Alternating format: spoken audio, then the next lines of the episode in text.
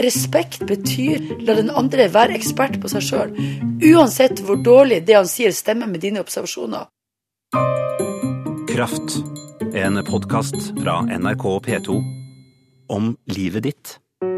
Det kan begynne helt sånn uh, alminnelig. Man bare snakker sammen. Og så, og så merker du at det begynner å skurre litt. Det er liksom Du, du blir litt irritert. Og samtalen begynner å hakke på en måte.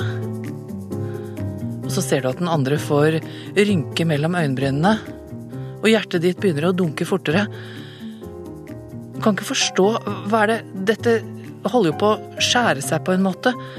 Jeg vil ikke Jeg skjønner ikke hva som har skjedd fordi vi Å, jeg tror jeg blir sprø. Hvorfor skjærer det seg så ofte mellom mennesker i kommunikasjon?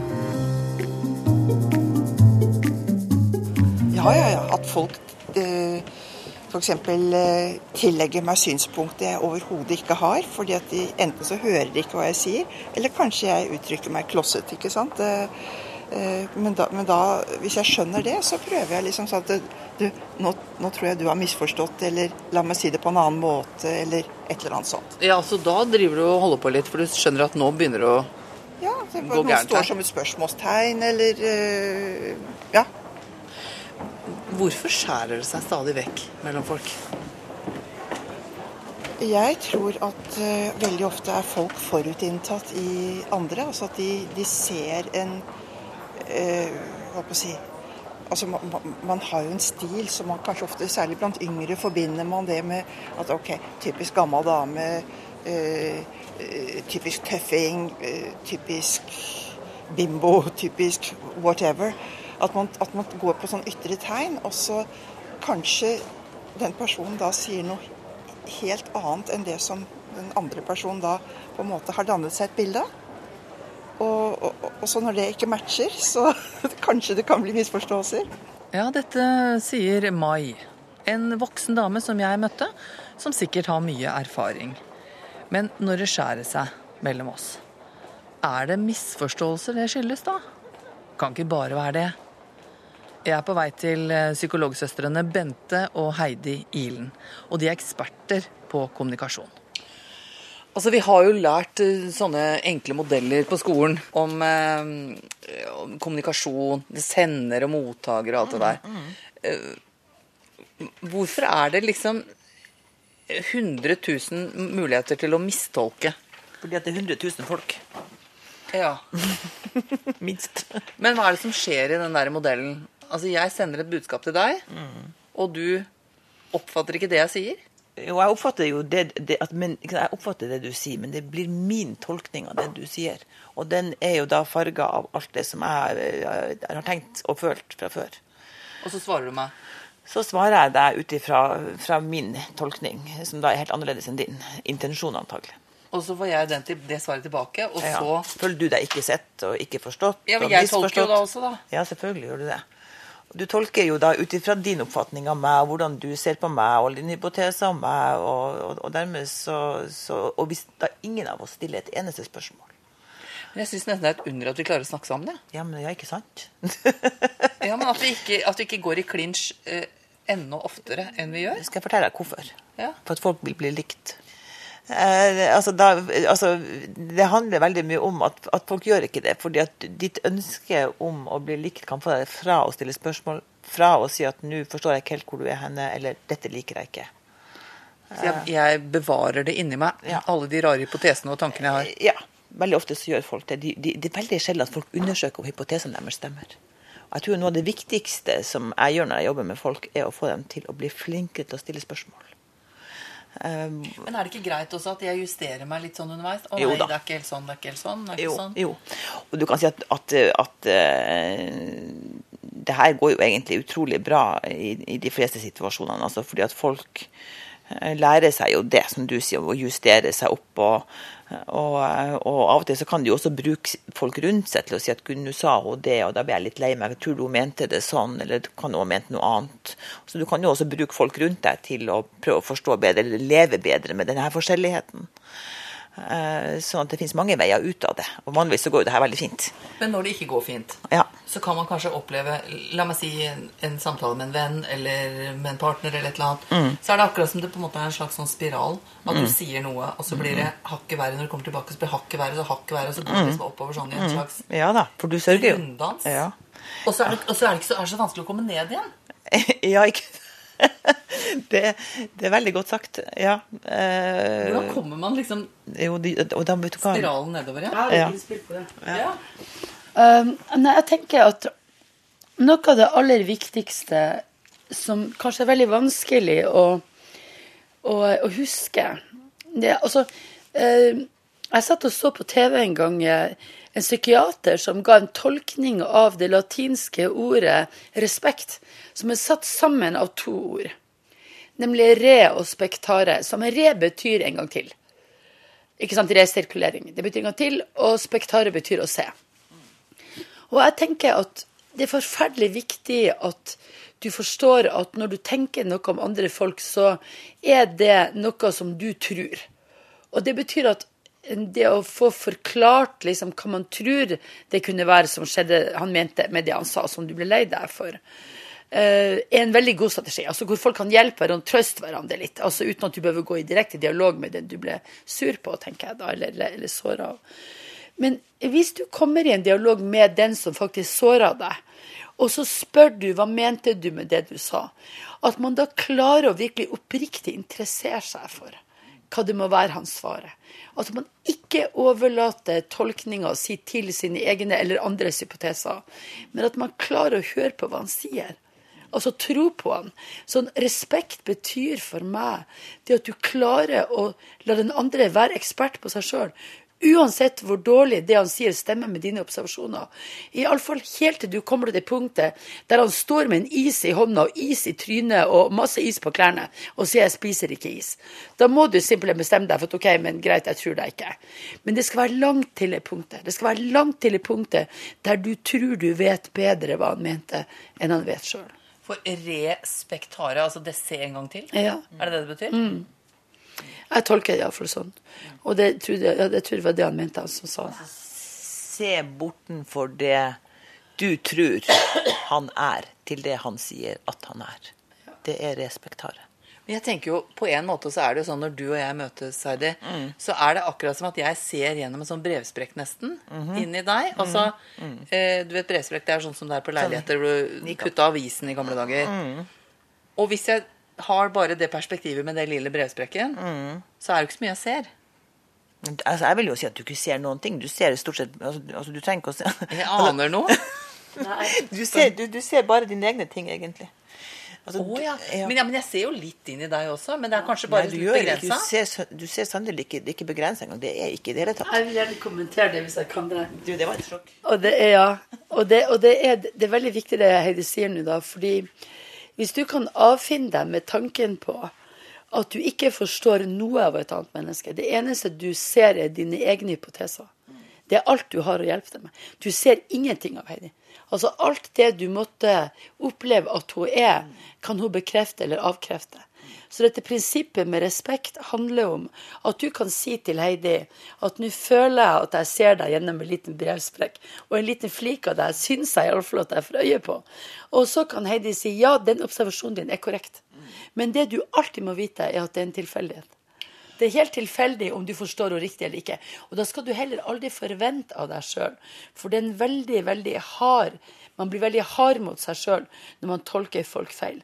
Og det ligger en veldig frihet i å vite at det fins ikke noe alternativ. Du kommer til å tolke alle folk feil. Eh, og at hvorvidt du tolker det riktig eller ikke, er opp til de og definerer ikke opp til deg. Men gjelder det også hvis det er mennesker jeg har kjent i mange år? Ja, særlig hvis det er mennesker du har kjent i mange år. Så det betyr jo at, du, at det at du kommer så tett på dem, kan gjøre deg helt blind for eh, hvordan de, både hvordan de ønsker å bli opplevd, og hvordan også de blir opplevd av andre folk. Så det er derfor man kan tenke at friskt blod eller et friskt blikk inn i et team som er vant til å jobbe sammen, kan være veldig bra. Fordi man får et bedre inntrykk av hvordan gruppen ser ut utenfra, f.eks. Ja, når, man sier, når man sier sånn at 'å, vi kjenner hverandre ut og inn', så er det bare tull, da? Nei, det er ikke tull. Men, men igjen må Altså, det er ikke tull, men det er en følelse. Eh, intellektuelt sett, teoretisk sett, filosofisk og psykologisk sett, så vet du ingenting. Da har du bare dine egne tolkninger og dine egne hypoteser. Men det kan føles som at vi har kjent hverandre bestandig. Men dere to må jo føle at dere har kjent hverandre bestandig. Absolutt. Snakker jo liksom en halv setning hver. Dere Ja. kjenner hverandre ut igjen. Nei, nettopp. Du kan disting... Nei, det du må skille. Jeg føler at jeg kjenner Bente. Men jeg vet at jeg ikke gjør det. Intellektuelt sett så, så, så, så er det bare hun som kan få lov å definere seg. Men jeg, sånn, hvis jeg har hypoteser om Bente, så tenker jeg at det er mine hypoteser. Og så må Bente Jeg kan ikke si at nå har jeg en god hypotese om deg, for jeg kan ikke vite om den er god. Det må hun få bestemme. Enig i dette. Ja, selvfølgelig. Og jeg vil til og med si at Heidi og jeg ja, det, nu- Vi er jo inne på et område nå som, som kanskje er litt slitsomt å forholde seg til, men for, for de fleste fordi det ligger mye trygghet i å føle at man kjenner en annen. Og, og, og det var veldig viktig distinksjon Heidi gjorde i forhold til hva du opplever og hva som er et faktum. For du kan oppleve å kjenne noen, men et faktum er at du ikke kjenner de. Eh, Eller at om du faktisk kjenner de, vil bestemmes av de.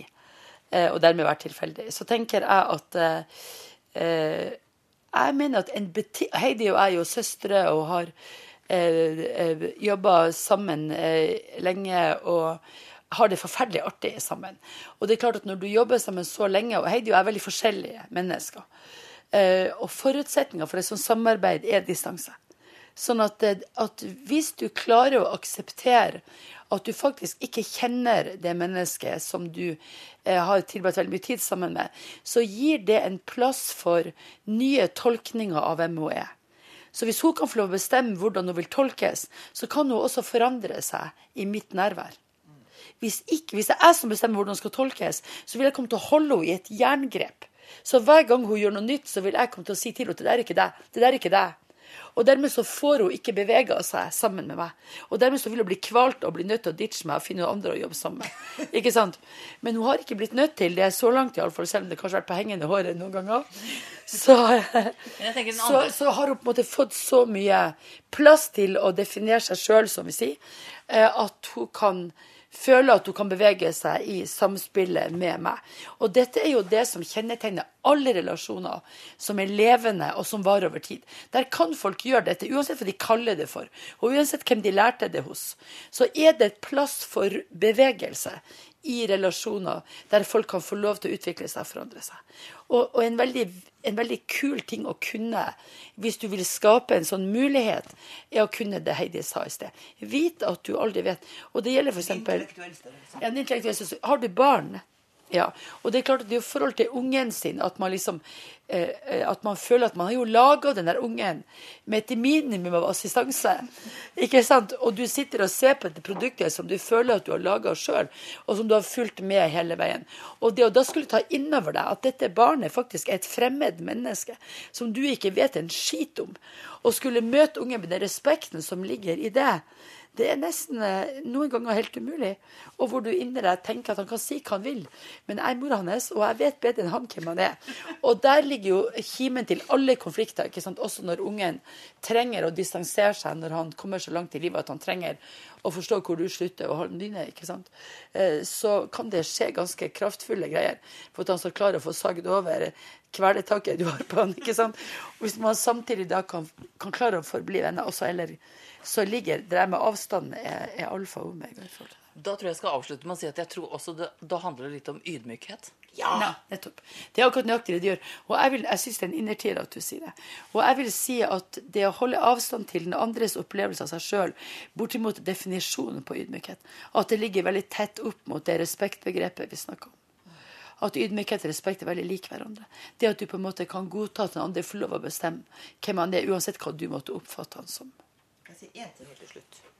At det, det, det, å, det ligger jo også en mulighet for en stor ensomhet i denne måten å tenke på. At det er bare du som vet hvem du er, og ingen andre forstår deg eller ser deg. ikke sant? Men det er for meg veldig viktig å tenke at det er nok at du føler deg både sett og forstått.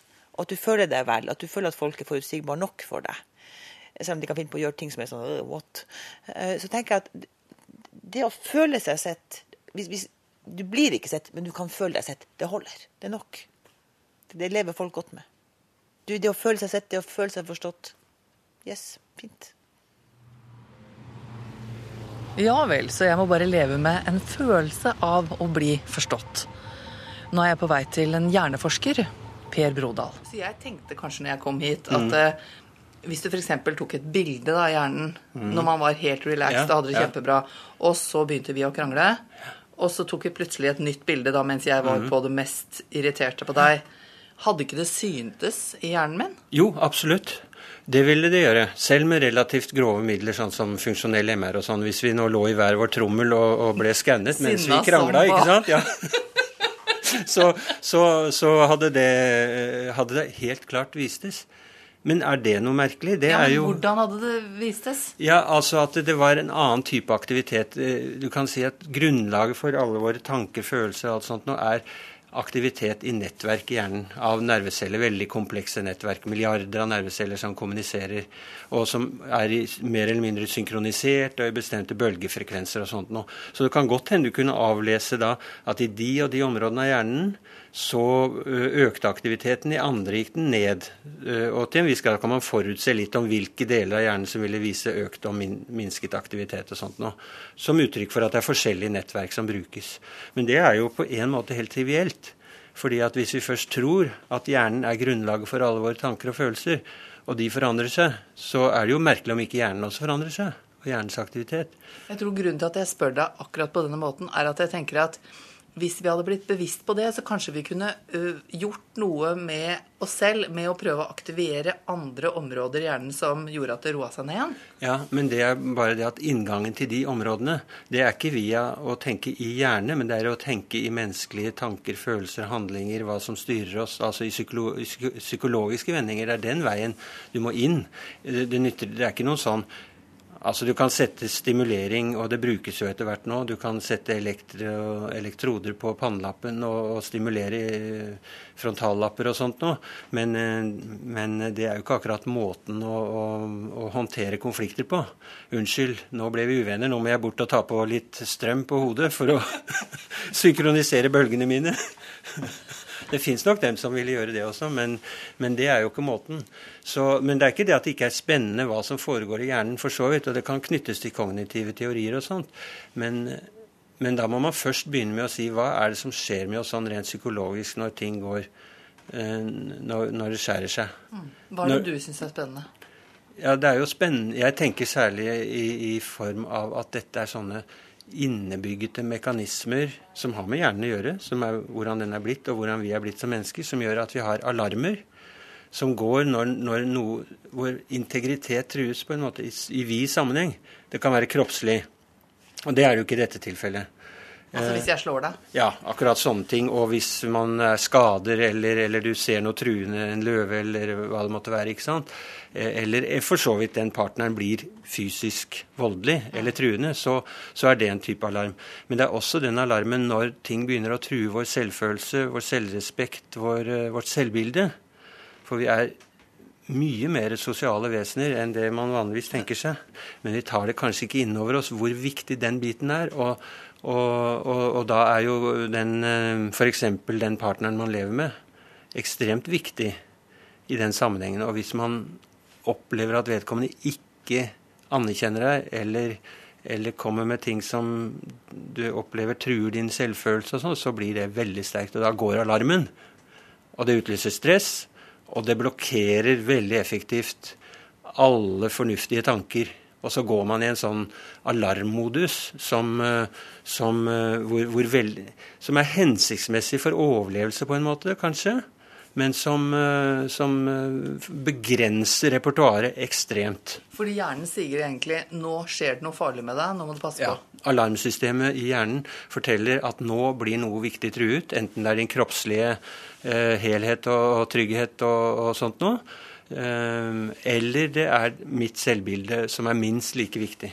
Men du, sånn evolusjonistisk så tenker jeg Hvorfor kunne ikke hjernen ha utvikla seg litt mer enn det der? Fordi at det, det, er jo ikke hensiktsmessig at vi blir bare mer og mer sinte og mer og mer redde inni oss Nei. når vi får kritikk, f.eks., eller vi mm. begynner å krangle. Nei. Så hadde det vært fint om hjernen da etter hvert lærte seg at Nei da, dette er fint, dette går bra. Ja, nei, det kan du si. Altså, du vet uh, Vår hjerne og våre som er, er tilpasset til det som sånn stort sett gir oss best overlevelse og best mulighet for å bringe slekten videre. Det er de to tingene som evolusjonen på mange måter handler om. Eh, og da er det vel sånn at eh, Og den perfekte løsningen for alle situasjoner, den kunne ikke komme. Men eh, sånn at det er liksom Sånn som det er utviklet, så, så kan det virke ufullkomment, men det er allikevel kanskje den totalt sett mest hensiktsmessige og sett i et stort perspektiv, måten å reagere på. Men samtidig så må vi jo si at ja, men vi har fått noe med, som ikke dyr har. Vi har fått evnen til å tenke om våre tanker. Og tenke om oss selv. Så vi har jo muligheten. Og det er jo det, det er derfor vi sitter og snakker om det. At det er muligheter til å gjøre noe med den situasjonen. Vi, ja. vi, vi har et ansvar. Eh, I og med at vi tross alt skjønner så mye av oss selv, så nytter det ikke å bare si at ja, men evolusjonen er sånn, og steinaldermennesket og alt og sånn. Det er egentlig det, det, det som er Sånn er det bare. Altså, og, og, forskjellen er jo til en viss grad også Du ser dyr som kan bli rasende, eller bli veldig opphisset, eller veldig eh, på hugget ikke sant, med jakt eller hva det måtte være. Men i det øyeblikket faren er over, så er de helt tilbake i, i, i, i null. Men sånn er ikke vi. Nei, vet du, det skulle vi kanskje vært. ja, det hadde vært sånn elefanthukommelse, ikke sant. ja. Vi snakker jo om det, men kanskje ikke elefanten har så lang hukommelse. Men jo, det har nok for visse ting. Er det ikke ekstrem hukommelse for visse ting? Altså, elefantene. Ja. ja, ja. Og ja, ja, og hukommelse. Det er ikke bare mennesker som har hukommelse. Men uh, det er noe med hukommelse, hva man husker. Sånn som kråker f.eks. kan huske tusen steder angivelig hvor de har lagt maten sin. Men, og, det, det greier jo ikke vi. Ikke sant? Der er det jo oss overlegne.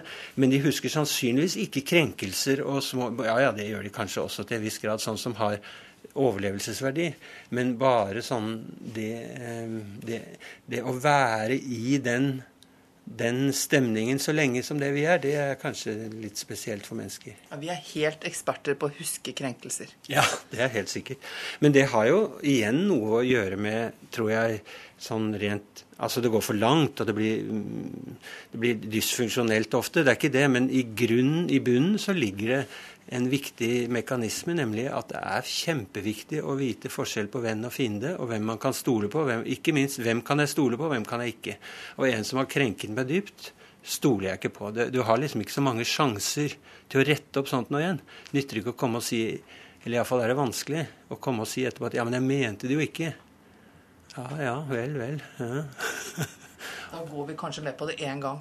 Ja, ja kanskje én gang, ja. Gi en sjanse til men, men, ikke så veldig mye mer. Sånn at det, det, grunnleggende i det er nok veldig viktig, men igjen så blir det det ja, men vi er, Som mennesker så er vi også utstyrt med en evne til å tenke om oss selv, og til å faktisk vurdere på et helt annet plan hva som er riktig og godt, og sånt, så, sånn at uh, ansvaret ligger jo der. Jeg vet ikke om det har noe med hjerneforskning å gjøre, men for meg så høres dette også ut som å passe på sin egen verdighet, på en måte? Ja, det er jo noe med det. Det er, det er noe med selvrespekt, selvbilde, å ta vare på og, og, Sånn i vid forstand integritet, altså. Altså Det er ikke bare kroppen som skal tas vare på, men det er også minst like viktig vår selvrespekt. Altså faktisk så ja, det er, det er, jo noe med det med at uh, hvorfor er psykiske lidelser så mye mer problematisk enn å brekke bein eller å ha kreft, for den saks skyld. Livskvalitet og, uh, hos, uh, er jo ofte mye dårligere og hva er det? Og så sier man lettvint at ja, det er fordi at det er så mye fordommer og alt sånt noe. Men det er jo noe med det at det i mye større grad går på vårt selvbilde og vår selvrespekt. Det er klart hvis ikke du hvis du ikke greier å kontrollere følelsene dine, tankene dine er, lar seg ikke styre, eller du oppfører deg på en måte så du skjønner at du, du blir utstøtt av flokken, så er det mye, mye mer truende for personen og, for, og skremmende for omgivelsene. Så det å ha kontroll på følelsene sine, mm. det er noe av det viktigste av alt. Faktisk mer enn kontroll på kroppen. Ja, på en måte er det det. På vei ut fra hjerneforsker Per Brodal så møter jeg en som heter Helge. Folk har mye tanker. Jeg blir sinna, ikke sant? Ja. Og da er det bare, da, er det bare, da bør han gå på rommet sitt. Pleier du å si det til deg sjøl, eller? Nei, nå må jeg gå på altså, rommet mitt? Jeg liker veldig godt en saklig, ordentlig diskusjon om saker og ting. Men noen ganger så tenker jeg veldig klart, hvis jeg blir litt uh, hissig og, og sinna, så klarner hjernen. Altså, det fyrer opp. ja, du tror det sjøl i hvert fall? At ja, du er veldig klar? Ja, jeg syns det også. At du tenker litt klarere hvis du blir litt engasjert. Ja, men du tror ikke det bare er du som da syns at du er skikkelig klartenkt, at du egentlig ikke er det? Jo, det kan jo være sånn. Jeg veit jo ikke hvordan andre folk ser på det. Du blir litt klarere i huet hvis du fyrer opp litt. Altså. Jeg heter Kirsti Kraft, og hvis du har noe på hjertet som du vil si til meg, så skriv en e-post. Adressen er enkel kraft krøllalfa nrk.no. Du har hørt Kraft, en podkast om livet ditt fra NRK P2.